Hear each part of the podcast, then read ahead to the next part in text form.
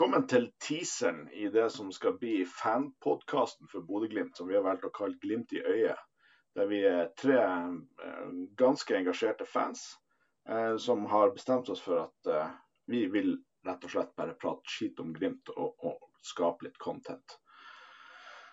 Eh, først en av oss tre, Bjørn Einar Østensen. Kan ikke du si to ord om deg sjøl? Ja, eh, Bjørn Einar heter jeg.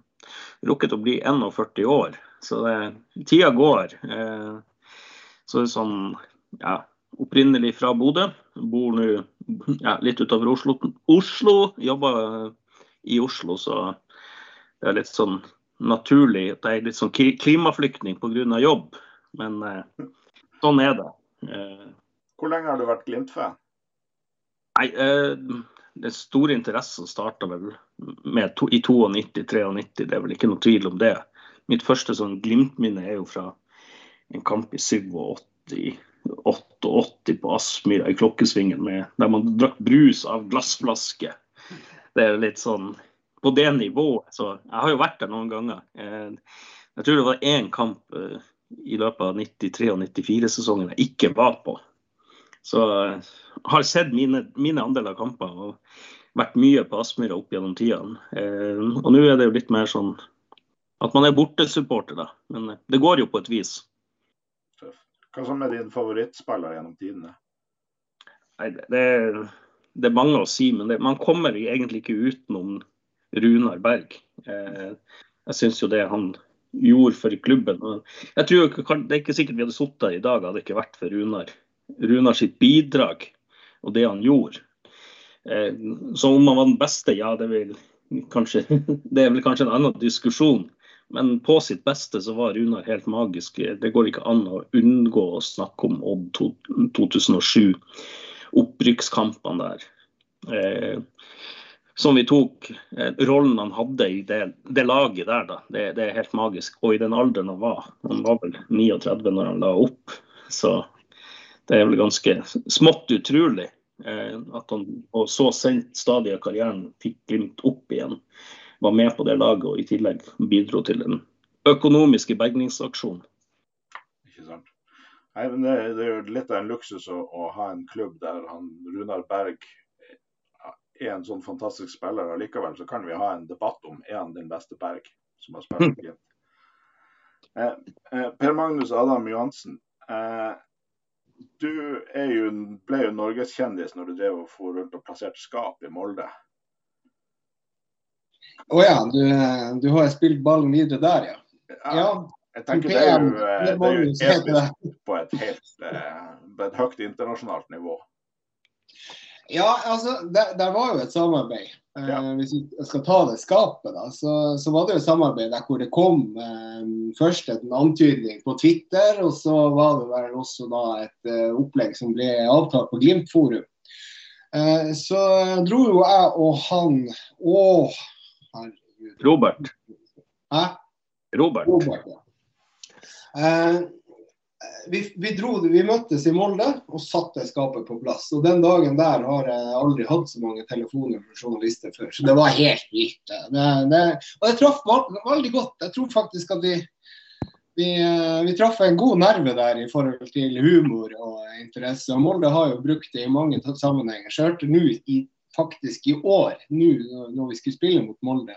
Og uh, Før kampen så hadde de kjøpt inn blåmaling og skulle da male det skapet blått hvis vi slo dem. Uh, hvis de slo oss. Ja. Så, uh, så det, det, det, var, det, er et stunt som nå har egentlig foregått i ett og et halvt år, da, som enda blir lagt merke til. Så det er jo litt artig, da. Ja, altså, prikken over i-en var jo når det ble avslørt i Eurosportstudio at koden var 433. Absolutt. Og det er, det er, litt artig. da. Fordi at Eurosport var den siste som, eh, som ringte meg. De ringte egentlig klokka tror jeg, fire-tida. Og stuntet var vel rundt åtte.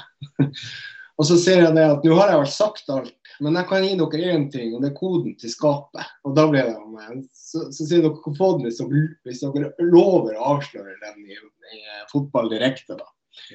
Eh, rett før åtte. Og det gjorde de. Og da fikk de koden 433, og det var jo um, det var, det var jo magisk. Jeg og Robert satt og faktisk diskuterte hva vi skulle ha slags kode på det skapet i bilen. Og Da var det jo egentlig 4-3-3 som var det eneste alternativet. Men jeg mente jo egentlig at det ble for lett.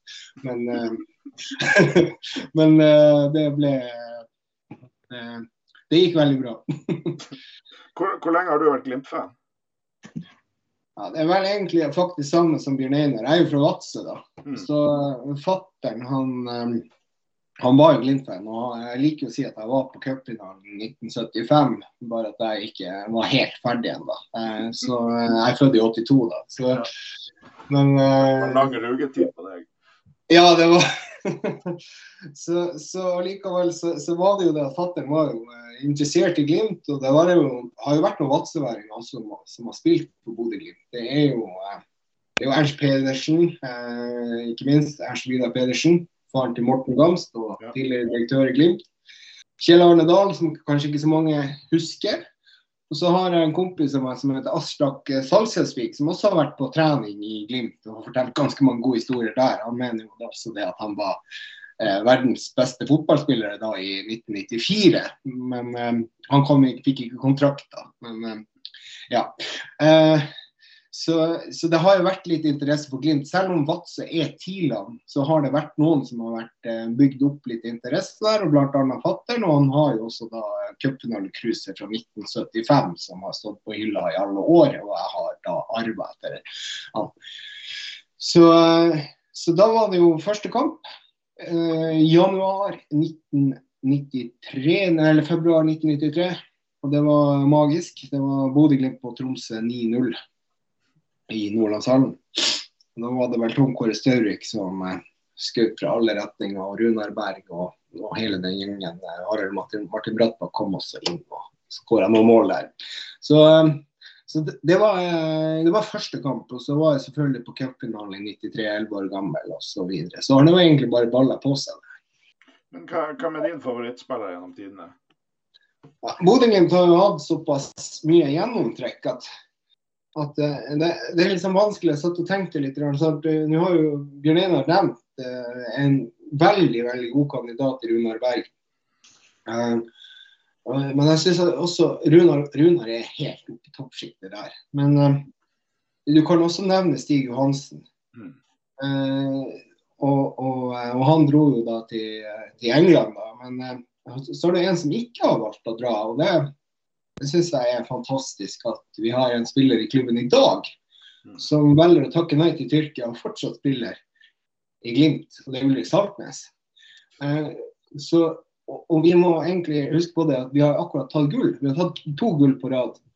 Og det har ikke eh, verken Runar eller Stig gjort i sin karriere i Glimt.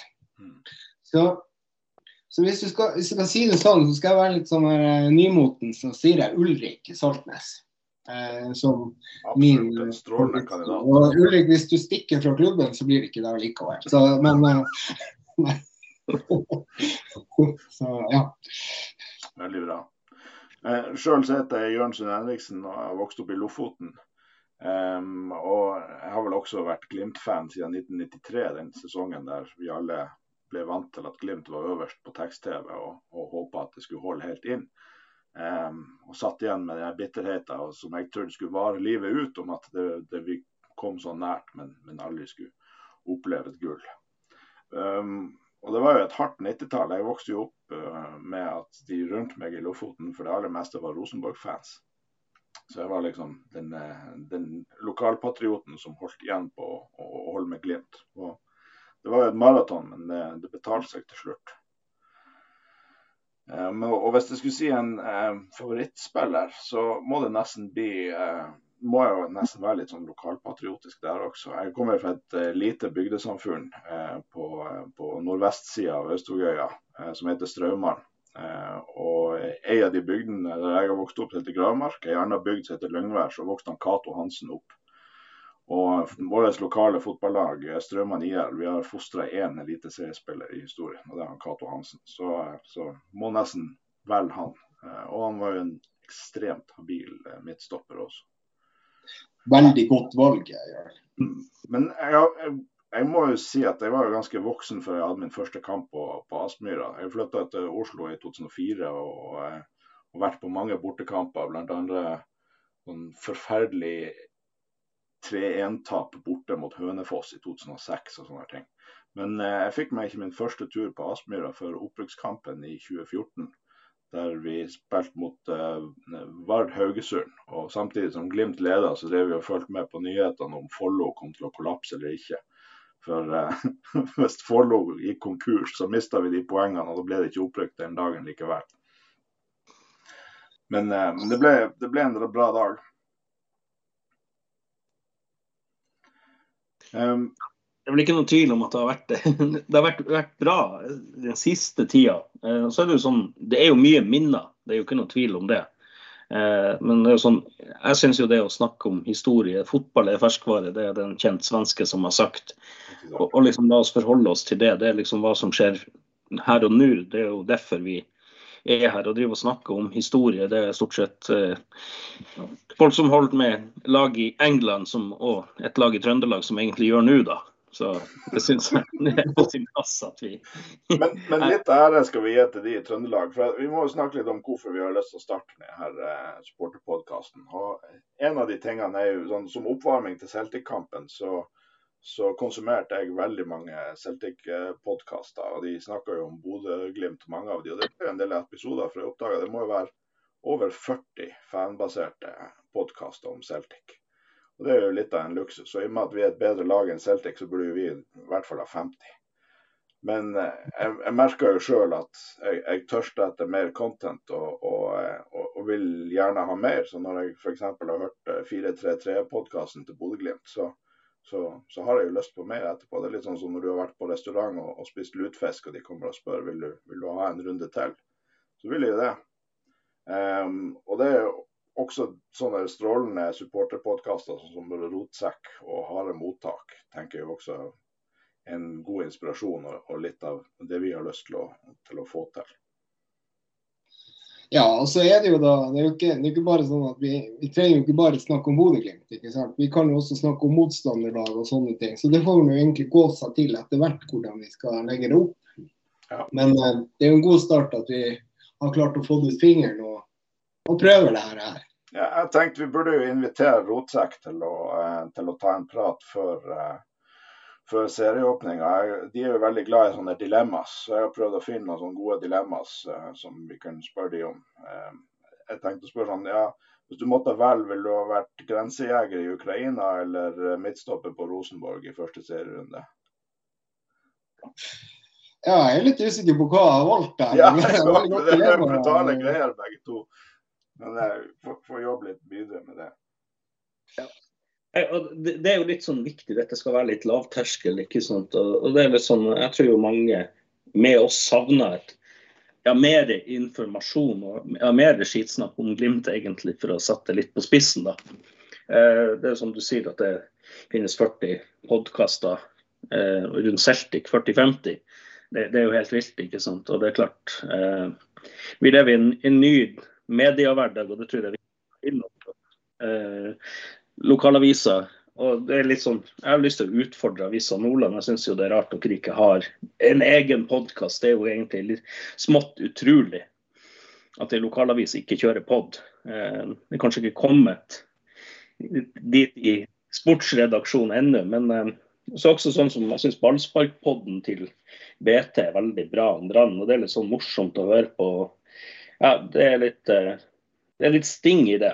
Men nei, sant, Nå skal du sies at podkast og lyd, og det vet du kanskje ikke er forskjell til AM. Men, eh, men, men nå er vi i den andre Glimt-poden, og jeg tenker en klubb burde jo ha minst like mange podkaster som antallet seriegull. Så da er det jo kanskje riktig at uh, Avisa Nordland hiver seg på i løpet av året og, og blir nummer tre. Ja, absolutt. Jo flere men eh, første episode det her er jo bare en teaser, selv om vi har prata lenge allerede. Eh, første episode eh, blir faktisk på engelsk. Eh, for at eh, jeg var så heldig og fikk være med på et par skotske podkaster før eh, kampen i Glasgow. Så i morgen, altså onsdag, dagen før returoppgjøret, så har vi invitert de til å delta i vår podkast. Så da skal vi ha en prat, og bli den på engelsk, med Scott McCorry i The Homeboys. Og så skal vi ha Ryan Clifford og Will Glavin i uh, The Unrestricted View, som er to Celtic-podkaster som har mange følgere. Og så når vi er ferdig med det, så tenker vi å komme inn i mer uh, ordentlig gjenge med, med ukentlige podkaster og podkaster knytta fram til kamp og lignende. Yes. Og nei, og det, Det er bare å børste frem fjellengelsken og la det stå til der. Ja, det, det hjalp at det, det jeg hadde i Glimt-koppen under de podkastene, ikke var kaffe. Yes, men veldig bra, da er vi i gang. Og så, eh, eh, som de sier, eh, hit that subscribe button. Og eh, følg oss på Spotify og der dere finner oss. Yes, det tror jeg, tror jeg blir bra. Og så er det sånn at nå har vi oppretta en Twitter-konto. Så Der eh, oppfordrer vi folk til å stille spørsmål. Vi kommer til å ja, gjerne ta litt dilemmas òg, da. litt Utfordre oss litt. Eh, så er det jo greit, eh, med tanke på Per Magnus sitt henseende, at de stiller spørsmålene på engelsk allerede hvis de skal stille noen spørsmål til Celtic, Celtic på, eh, eller fansen. da. Da er det sånn Hvis han skal lese opp her, så er vi på Tor Heyerdahl-nivå. Ja, ja, ja, absolutt. Og det skal vi være. Vi skal være på Tor Heyerdahl-nivå, og vi, eh, vi skal prøve å, eh, å eh, gjøre det mest mulig pinlig for oss sjøl her i studio. Ja, det, det er litt av målet. Good stuff. Takk for at dere hørte på. Jeg håper dere fortsetter med det.